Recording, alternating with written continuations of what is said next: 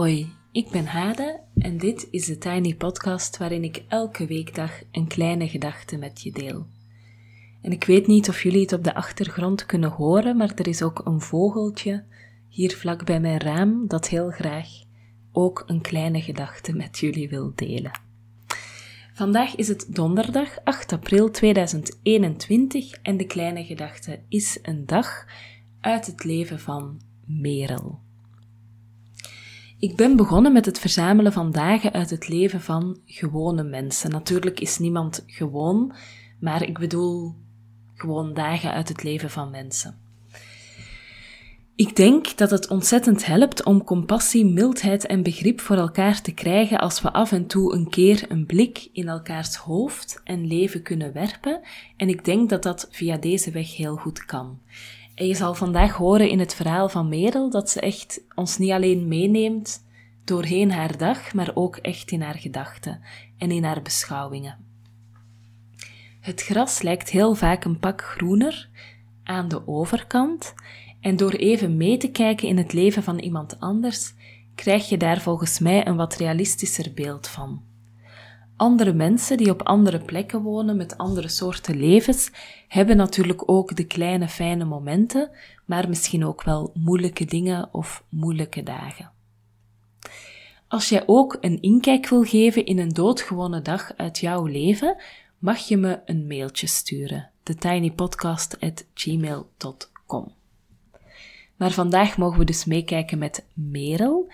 Merel woont in Finland um, en toen ik vroeg wat ik over haar mocht vertellen, zei ze dit. Ik ben Merel, een jonge vrouw met veel dromen. Verder kan ik mezelf beschrijven als koppig, creatief en eerlijk. Je herkent haar mogelijk van vorige week, waarin ze het over taal en verbeelding had. Ik vond het heel fijn om Merel haar dag te beluisteren.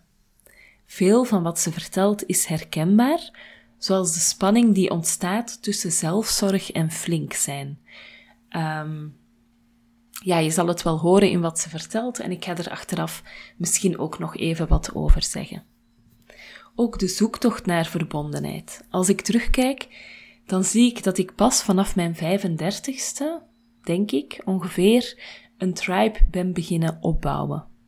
Voordien waren er wel losse en zeer dierbare vriendschappen, maar ik voel me echt nog maar sinds kort deel van een groter geheel of meerdere grotere gehelen. Um, en veel daarvan heeft te maken met connectie met vrouwen in vrouwencirkels.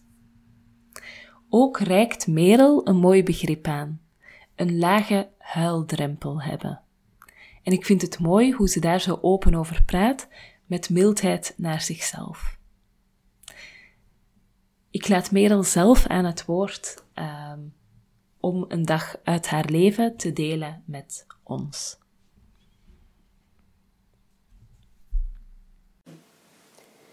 Mijn dag vandaag begon naar mijn gevoel al gisterenavond. Na mijn werk volgde ik twee uur online les en deed ik de afwas. Meestal doe ik geen taakjes meer na zo'n volle dag, maar gisteren was ik extra flink. Ik wilde het ook echt graag uit de weg hebben. Na de afwas was het tien uur, poetste ik mijn tanden en ging slapen. Deze morgen ging mijn wekker om 25 na 6. Dat is 22 minuten vroeger dan nodig en dat doe ik nu zo sinds vorige week. Het idee van samen in te checken op maandag om de ochtend te starten met een ontspannen moment voor mezelf wilde ik graag uitproberen. Na nog even doezelen raak ik uiteindelijk op mijn yogamatje om met wat ontspannende muziek de, ochtend, de ochtendstijfheid uit te stretchen. Ik probeer te focussen op mijn ademhaling en me vooral niet te pushen. Dat lukt vandaag maar matig. De flinke meid in mij doet principieel haar best. Als er geen extern doel is om na te streven, vind ik gemakkelijk een handvol nieuwe. Net als de pakjes in de chique bak. Als je er een uitneemt, ligt er altijd een volgende te wachten. Natuurlijk werk ik niet altijd goed door. Periodes waarin ik plichtsbewust en doelgericht aan projecten of taken werk, wisselen af met periodes waarin ik stilval. Gisteren zat ik dus niet stil. Ik deed de afwas, ook al was ik moe van het werk en de les. Het kwam er dus niet van om zachtjes uit te bollen s'avonds. Op mijn yogamatje kom ik deze spanning en streven naar efficiëntie opnieuw tegen. Ook al heb ik nu wel de bedoeling te ontspannen. Om half acht haast ik me naar de bushalte, die gelukkig vlak bij mijn deur ligt. Op de bus antwoord ik wat berichten die ik al vreselijk lang heb laten liggen, maar de laatste tien minuten steek ik mijn gsm bewust weg en kijk naar buiten. Ik laat ruimte voor de leegte nu het nog kan. Nu ik nog even niet in een groep sta vol kinderen en volwassenen die zichzelf hoorbaar en verstaanbaar proberen te maken. Ik werk in een kinderopvang in een groep met kinderen van 1 tot 3 jaar. De dag op het werk verloopt, verloopt voldoende vlot. De laatste 40 minuten kijk ik regelmatig op mijn klok, maar probeer toch enthousiast te interageren met het spel van de kinderen. Als ik me haast naar de bushalte na een werkdag, kan ik net op tijd voor de bus aankomen. Als ik een paar minuten treuzel, moet ik meteen een half uur wachten. Ik, haat, ik haast me dus en ben gelukkig op tijd. Op de bus luister ik naar het verhaal van Eve en haar vrouwencirkel en bedenk dat ik nood heb aan een groep waar ik bij hoor. Ik heb tot nu toe altijd maar twee of drie goede vriendinnen gehad, maar ik heb me nooit verbonden gevoeld met een grotere groep. Als introvert persoon vind ik het gemakkelijker om innig te verbinden met weinig mensen dan vlot en meer oppervlakkig met een grotere groep. Toch mis ik het gevoel van bij een groter geheel te horen. Ik wil graag deel zijn van een netwerk waar ik kan dragen en gedragen worden. Bovendien zijn ook mijn losse contacten en ontmoetingen met anderen in deze coronacontext zeer beperkt en grotendeels online. Het vele alleen zijn geeft me soms het gevoel te verdwijnen. Ik ontbreek referentiepunten en spiegelmogelijkheid. Ik wil kunnen tonen wat ik kan. Ik wil laten horen wat ik te zeggen heb. Maar de sociale kring waarin ik dat soort expressie kan uitproberen en ontwikkelen is erg beperkt. Dikwijls vind ik het heel aangenaam om alleen te zijn. Ik hou van de rust, de complexloosheid en de ruimte om onverbiddelijk te verbinden met mezelf.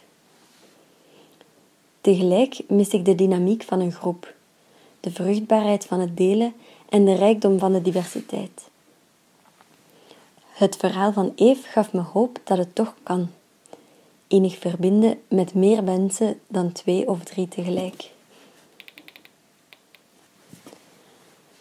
De bus brengt me thuis waar niemand op me wacht en waar ik ongegeneerd luid op kan huilen.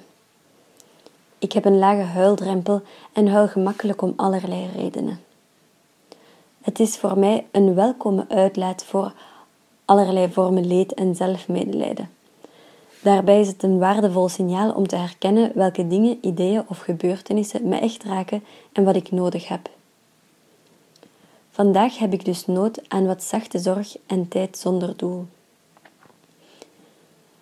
Even neem ik mijn agenda erbij, maar kies ervoor de lijst taakjes die erin staat links te laten liggen. In plaats daarvan stel ik mezelf de vraag: Lieve Merel, hoe was je dag vandaag? En schrijf ik het hier neer. Op de vraag wat ik hierna zal doen, kan ik nog niet antwoorden.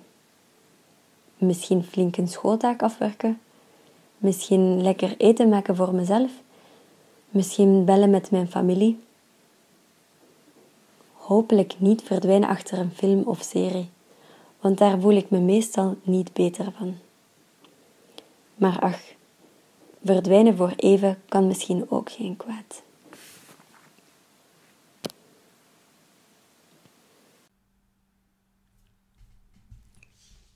Dankjewel Merel. Fijn dat je een dag uit je leven met ons deelde. En tot daar voor vandaag. Ik vermeld bij deze graag nog even het Tijd voor mij festival, omdat ik het natuurlijk heel erg fijn zou vinden als jullie daar talrijk bij aanwezig zijn. En ook omdat mijn workshop ook wel gaat uh, over waar Merel het in het begin en op het einde over heeft. Voor jezelf zorgen en daarin balanceren tussen flink zijn en mild zijn. Heel kort, op 9 mei is er het online festival Tijd voor mij. Een kaartje koop je voor 12,5 euro. Um, en daarmee kan je dus van 8 tot 10 s'avonds deelnemen. Je verbindt je met jezelf, met de anderen en je volgt één van de vier workshops. Die van mij gaat dus over zelfzorg, voorbij de hashtag selfcare. Dan is er de workshop van Griet over zingen. Uh, je hoeft je microfoon niet aan te zetten, je kan gewoon, um, ja, zeg maar, voor jezelf meezingen. Um, ik heb het al gedaan en ik vind het echt een heel fijne ervaring waarbij je helemaal diep in je energie kan zakken. Heel bijzonder. Um, dan is er de workshop van Janneke. Janneke um, channelt engelenboodschappen. Uh, onder andere rond corona heeft zij boodschappen um, eigenlijk neergeschreven. die helpen om anders naar de tijd waarin we leven te kijken. En voor haar workshop gaat zij zo'n boodschap maken en daar rond gaat zij in gesprek met de deelnemers. En dan is er Larissa, en Larissa is ook een Vlaamse in Haarlem, net als ik. Um, en is echt een rots in mijn branding geweest toen ik zwanger was van de tweeling. En toen zij met haar mobiele massagetafel wel eens bij mij thuis kwam om al die pijntjes en al die klachten te verlichten. En dat was misschien niet alleen haar massagetechniek voor mij heel belangrijk, maar ook gewoon haar manier van aanwezig zijn. Uh, Larissa is een heel wijze en energieke vrouw en zij neemt jullie op 9 mei mee in um, een verhaal rond hormonen en hoe je je eigen hormonen kan laten rokken. Um, voilà. We sluiten die dag ook af met een concert van Anne Ermens. En elke keer als Anne Ermens iets zingt, dan staat al het haar recht op mijn armen. Ik vind dat echt heel ontroerend. Um, ja, ik kan dat niet verder uitleggen, maar dat raakt mij altijd heel erg. Ik zet het linkje naar het online festival in de show notes. Um, de laatste maanden heb ik veel lieve luisteraars van de podcast en cursisten ontmoet. En ontmoet zet ik tussen aanhalingstekens. Um, en het voelt alsof er een soort van tribe aan het ontstaan is rond het werk dat ik doe. Um, en ik zie dat vrouwen ook elkaar vinden en um, ook veel aan elkaar hebben. En dat vind ik echt heel fijn. Dus ik hoop dat we dat op die avond uh, samen kunnen voelen en samen kunnen vieren. Dat zou ik echt heel fijn vinden. Tot zover voor vandaag. Je kan me volgen op Instagram, TheTinyPodcast. Als je je abonneert via bijvoorbeeld Google of Apple Podcast, in Spotify of in een andere favoriete podcast-app, krijg je telkens de nieuwste aflevering in je overzicht. En dat is dus elke weekdag. Als je de podcast doorstuurt, naar iemand die er ook graag naar luistert, of hem deelt op social media, help je mij om de podcast te laten groeien. Ik wens je een fijne dag en heel veel goeds. Tot morgen.